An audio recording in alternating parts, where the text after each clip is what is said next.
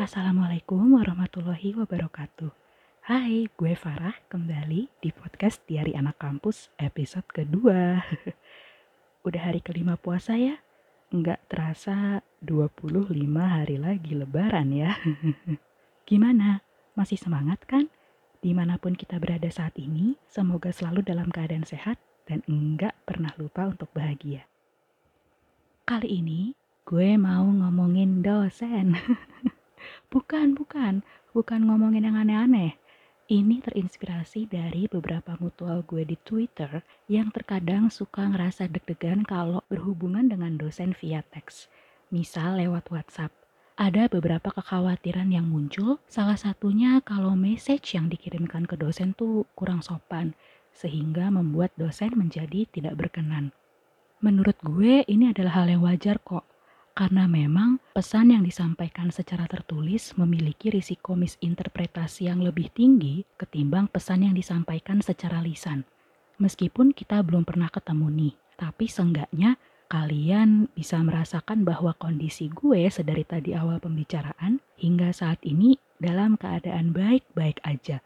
Sama sekali nggak ngobrol bareng kalian dalam keadaan marah atau lagi sedih, lagi bad mood misalnya. Enggak kok enggak. Tapi untuk pesan tertulis, yang menjadi fokus kita adalah kata-kata yang disampaikan, yang tertera saat itu. Ada orang yang menulis, pulang, udah, gitu doang P-U-L-A-N-G. Pulang. Kita pasti menerka-nerka. Maksudnya apa nih? Akan lebih mudah kita pahami ketika kata pulang tersebut dilisankan. Pulang, pulang, pulang, pulang. Jadinya beda kan? Tapi memang kita enggak bisa selamanya mengandalkan komunikasi lisan. Ada kondisi di mana satu-satunya media yang bisa digunakan adalah media tulisan, chat, SMS, email, surat, dan lainnya. Awal gue dulu maba tuh tahun 2012. Udah lama banget ya. Namanya juga pertama kali jadi anak kuliahan. Ngeliat dosen tuh kayaknya sesuatu yang wah gitu. Wawasannya luas, pasti koleksi buku bacaannya bejibun. Terus kalau bicara tuh kata-katanya tertata rapi. Jadi bawaannya tuh segan gitu Namanya juga peralihan anak SMA menuju anak kuliahan. Masih takut-takut nggak enak gitu. Waktu itu gue juga clueless ketika harus mengirimkan pesan ke dosen. Kayak gini sopan gak sih? Kalau ngirim jam segini tuh bakal dibaca nggak ya? Kalau ngirim sekarang, bakal direspon cepet nggak ya? Atau, ah kalau nge-WA panjang kayak gini paling dibalasnya cuman oke okay atau emoji jempol doang. Mungkin biar gampang, bisa kita mulai dari apa-apa aja yang sebaiknya tidak untuk dilakukan dan apa-apa saja yang sebaiknya dilakukan saat menghubungi dosen via chat WA misal. Pertama, hilangkan asumsi apa pun soal dosen kita. Misal, kita memandang dosen tersebut sebagai sosok yang serius banget, nggak banyak bicara, susah buat dideketin, kasarannya gitu. Dari asumsi itulah akhirnya timbul rasa takut untuk menghubungi beliau atau timbul kekhawatiran-kekhawatiran yang sebenarnya enggak sebegitu perlunya untuk dipikirin. Atau asumsi yang kayak gini, kita memandang beliau sebagai sosok yang woles, gaul, santai, kekinian, sehingga terkadang kita malah jadi kurang memperhatikan etika dalam mengirim pesan ke dosen tersebut. Karena apa? Di pikiran kita tuh kayak misalnya ya ah santai aja lah dia orangnya woles gini atau alah palingan dia nggak marah lah gue kirim pesan kayak gini santai aja padahal yang namanya manusia pasti memiliki sisi-sisi tertentu yang memang nggak ditampakkan ke hadapan semua orang dan di segala kondisi. Bisa jadi dosen tersebut memiliki kesan yang susah dideketin menurut lo, tapi sebenarnya dosen tersebut adalah sosok yang penuh perhatian, atau sebaliknya, lo merasa bahwa dosen tersebut adalah sosok yang memiliki pembawaan santai, tapi siapa tahu sebenarnya beliau adalah sosok yang tegas dan disiplin. Yang menjadi kekhawatiran gue adalah asumsi-asumsi lo tadi akhirnya memengaruhi gaya texting lo. memengaruhi susunan kata-kata pada pesan yang akan disampaikan ke dosen lo. Dan jangka panjangnya bisa memengaruhi kualitas relasi lo dengan dosen lo sendiri itu. Terus, gue harus gimana dong? Yang baiknya dilakukan adalah tidak berasumsi apa pun, tapi tetap memosisikan diri kita bahwa kita adalah mahasiswanya dan orang yang akan kita hubungi adalah seorang dosen. Secara posisi sudah jelas bahwa posisi dosen ada di atas kita. Jadi sudah selayaknya kita menghormati beliau. Menghormati ya, bukan menyegani. Dengan berpikir seperti itu, menurut gue, justru kita bisa berpikir lebih jernih untuk merangkai kata-kata yang tepat serta memilih waktu yang baik untuk mengirim pesan. Saat kita sudah siap untuk mengirim pesan, ada kalanya kita memperhatikan hal-hal berikut. Struktur atau susunan pesan. Ya elah, udah kayak bikin skripsi aja sih, pakai ada acara struktur penulisannya segala. Mungkin untuk sebagian orang, kedengarannya ini kayak serius banget gitu ya. Tapi sebenarnya emang baiknya demikian. Balik lagi seperti yang gue singgung sebelumnya. Saat ini, kita tidak sedang mengirim chat atau pesan ke teman sebaya atau saudara kandung tapi ke seseorang yang secara posisi memang berada di atas kita, sosok yang udah selayaknya kita hormati. Susunan pesannya pun sederhana kok, nggak sekompleks skripsi yang sampai berbab-bab. Pada dasarnya, semua jenis tulisan, termasuk skripsi sekalipun, terdiri atas tiga susunan sederhana, yaitu pembuka, isi, dan penutup. Untuk penulisan pesan yang ditujukan kepada dosen, bagian pembukanya setidak-tidaknya berisikan salam, kemudian perkenalan diri, dan permohonan maaf apabila mengganggu waktunya. Misalnya, gue mau mengirim chat WA ke dosen gue, sebut aja Pak X. Maka, gue akan menulis pesan pembuka seperti ini. Selamat pagi atau selamat siang atau selamat sore atau jika sesama muslim Assalamualaikum Pak X. Saya Farah Sarayusa mahasiswi program studi sosiologi angkatan 2018 mohon maaf sebelumnya apabila mengganggu waktu Bapak. Udah simple ada yang mungkin di bagian perkenalan diri tuh selain menyebutkan nama lengkap dan program studi, juga menyebutkan NPM atau nomor pokok mahasiswa. Boleh-boleh aja, nggak masalah. Toh dari NPM bisa ketahuan juga angkatan berapanya. Tapi kalau gue memang lebih memilih untuk menyebutkan tahun angkatan ketimbang NPM. Biasanya gue akan menyebutkan NPM-nya juga untuk konteks misal ada masalah dalam pengumpulan tugas atau pengajuan berkas-berkas penting kayak berkas keringanan biaya operasional pendidikan seperti beasiswa atau pengajuan cicilan itu baru biasanya gue mencantumkan NPM gue juga. Format pesan pembuka seperti ini berlaku jika kita baru awal-awal mengontak dosen tersebut dengan intensitas yang jarang. Misal baru pertama kali nge-WhatsApp kepala program studi atau kaprodi nih. Format tersebut berlaku kalau kita sudah cukup sering mengontak beliau karena beliau misal adalah dosen pengampu mata kuliah yang sedang kita ambil atau sama dosen pembimbing tugas akhir misal. Biasanya gue cukup menulis dengan Assalamualaikum Pak X, saya Farah. Mohon maaf apabila saya mengganggu waktu Bapak. Dengan kata lain, bagian perkenalan diri yang menyebutkan program studi dan tahun angkatan boleh untuk tidak disebutkan. Kenapa gue menaruh kata-kata mohon maaf apabila mengganggu waktu bapak atau mengganggu waktu ibu di bagian awal? Karena kita nggak tahu kondisi beliau saat itu lagi gimana dan kayak apa. Bisa jadi lagi istirahat, baru meremin mata jadi melek lagi karena HP-nya bunyi. Atau bisa jadi lagi sibuk karena ada keperluan rapat atau lagi sibuk ngoreksi paper mahasiswa. Atau bisa jadi lagi asik-asiknya ngumpul sama keluarga atau lagi makan, atau lagi olahraga, kita nggak pernah tahu. Kalau gue ya, pas lagi asik-asiknya ngapain gitu, misal nonton film di Netflix gitu ya, terus ada pesan masuk tuh suka kayak, ya elah. Atas dasar itulah, gue taruh kata maaf di bagian pembuka pesan. Kemudian kita masuk ke bagian isi ya. Nah, bagian isi ini bisa kita sesuaikan dengan kebutuhan masing-masing. Gue di sini kasih tiga contoh umum ya. Pertama, ketika ingin menanyakan sesuatu. Lebih spesifik, misal nih, ketika lo pengen ketemu dosen pembimbing skripsi untuk menyerahkan naskah revisi. Kalau gue biasanya akan nulis kayak gini. Saya ingin bertanya mengenai penyerahan naskah revisi skripsi. Kiranya di hari apa, jam berapa, dan di ruang mana baiknya saya menemui Bapak. Kebetulan dosen pembimbing skripsi dan juga dosen pembimbing tesis gue saat itu tuh tipikal orang yang nggak pernah menganjurkan mahasiswanya untuk ketemuan di luar kampus. Misal ke rumahnya gitu ya. Nggak pernah. Semua kegiatan bimbingan berlangsung di kampus.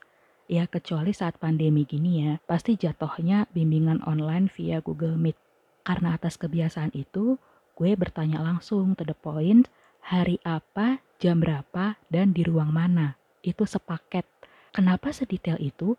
Jangan sampai nih, misalnya kita udah sampai kampus tepat sesuai hari dan jam janjian. Tapi jadi ngolor karena kita kelamaan nyari beliau.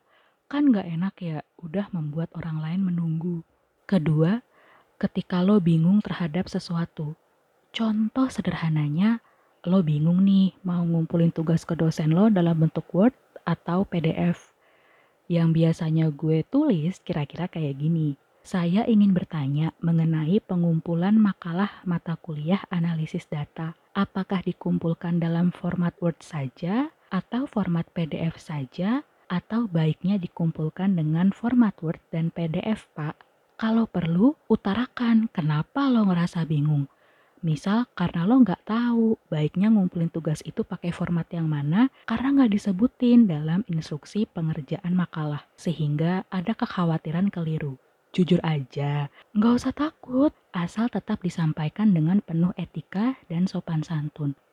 Ketiga, ketika lo ingin menginformasikan sesuatu atau mengingatkan kembali mengenai suatu hal ke dosen lo. Misal, lo berniat mengingatkan dosen lo bahwa hari ini ada kelas pengganti. Ceritanya lo ketua kelas nih, maka biasanya gue akan mengirimi pesan seperti ini. Saya bermaksud menginformasikan kepada Bapak bahwa hari ini, tanggal 17 April 2021, jam 1 siang, ada kelas pengganti mata kuliah analisis data. Atau ketika lo ingin menginformasikan ke dosen lo bahwa lo sudah mengumpulkan tugas melalui email sesuai instruksi beliau. Lo bisa mengirim pesan seperti ini.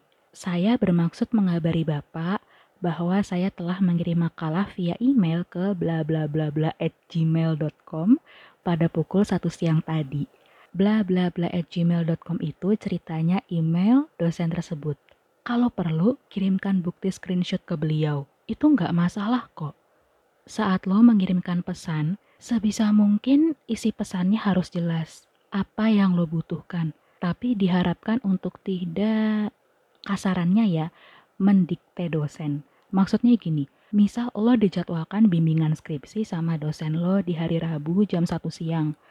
Nah, jam segitu sayangnya lo ada kelas pengganti nih. Gue harap kalian tidak mengirim pesan dengan kata-kata yang terkesan kalau dosen itulah yang harusnya ngertiin kondisi lo yang gak bisa bimbingan di hari Rabu jam 1 siang itu karena ada kelas pengganti.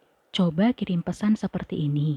Perihal pertemuan bimbingan skripsi yang akan diadakan di hari Rabu, tanggal 21 April 2021 jam 1 siang, saya mohon izin untuk tidak dapat hadir karena ada kelas pengganti mata kuliah sosiologi gender. Agar saya tetap bisa bimbingan dengan Bapak, Baiknya saya menemui Bapak di hari apa dan jam berapa.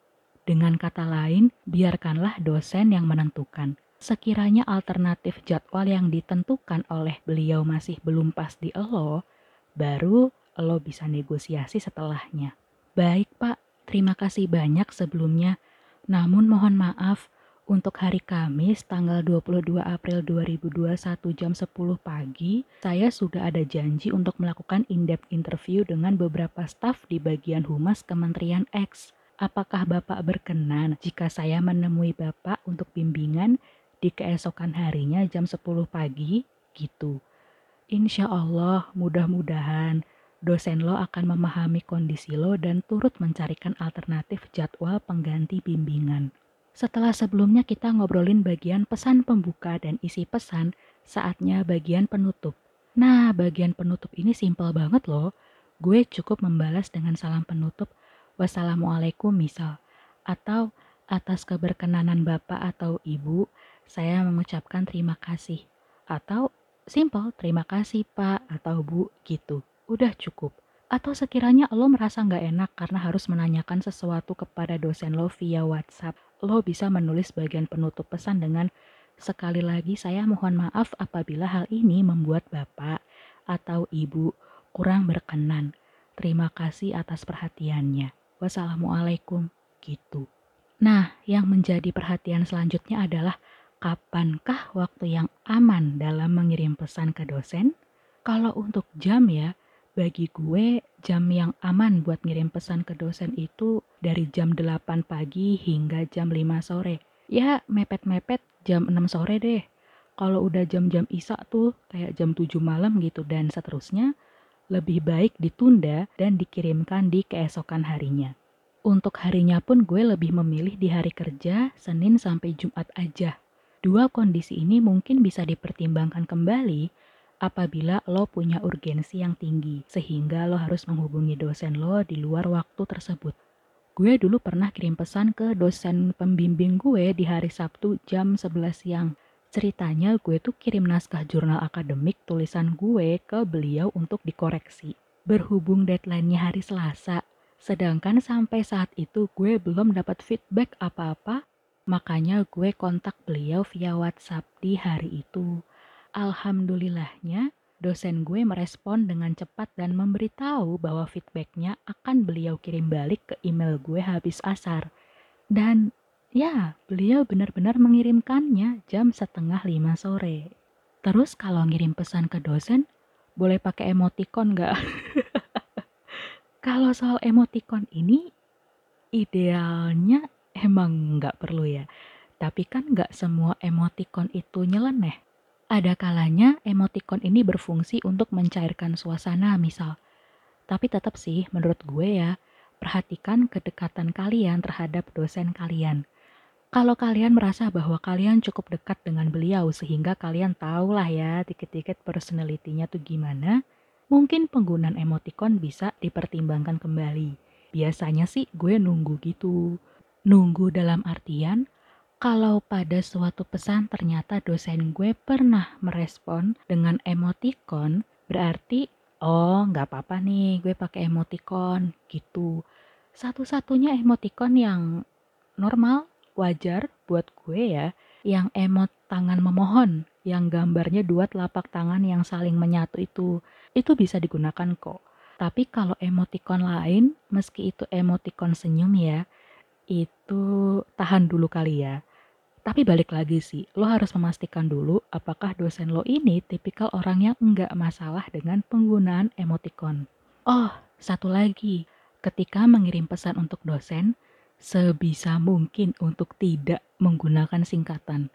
Nulis kata yang pun, tulis yang aja biasa. Nggak perlu pakai huruf Y dan G sebagai singkatan. Ini kan udah bukan zamannya SMS bayar per karakter nih. menurut gue nggak ada alasan sih untuk singkat-singkat pesan gitu. Tapi dosenku ngebalesnya disingkat-singkat tuh.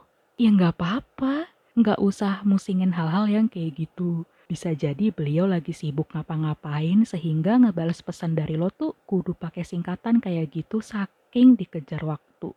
Atau kalaupun emang gaya typingnya beliau kayak gitu, ya ya ya udah, tetap tunjukkan sopan santun dan perilaku yang baik ke dosen. Selain itu, perhatikan juga ejaannya ya. Huruf besar, huruf kecil diperhatikan. Kata tunjuk di mana itu kudu di spasi loh.